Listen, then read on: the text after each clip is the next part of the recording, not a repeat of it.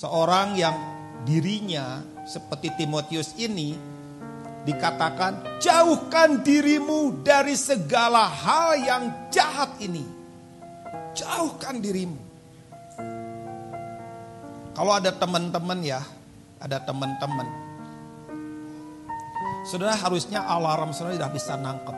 Ini alarm, ini teman-teman ini menarik saudara menjauhkan menjauhkanmu dari Tuhan atau teman-teman ini membuat engkau bertumbuh. Engkau harusnya tahu. Ada teman-teman yang menarikmu secara perlahan. Sehingga ada banyak bagian-bagian yang dulu punya, sekarang gak punya lagi. Ingat, pergaulan yang jahat merusak hal-hal yang baik. Teman-teman itu mulai menggeser-geser dikit-dikit. Ketika teman itu menarik secara perlahan.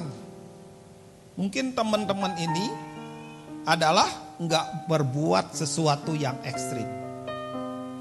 Serem.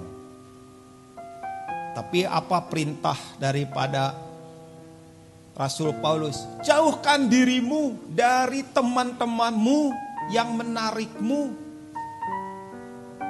untuk menjauh dari Tuhan yang baik itu.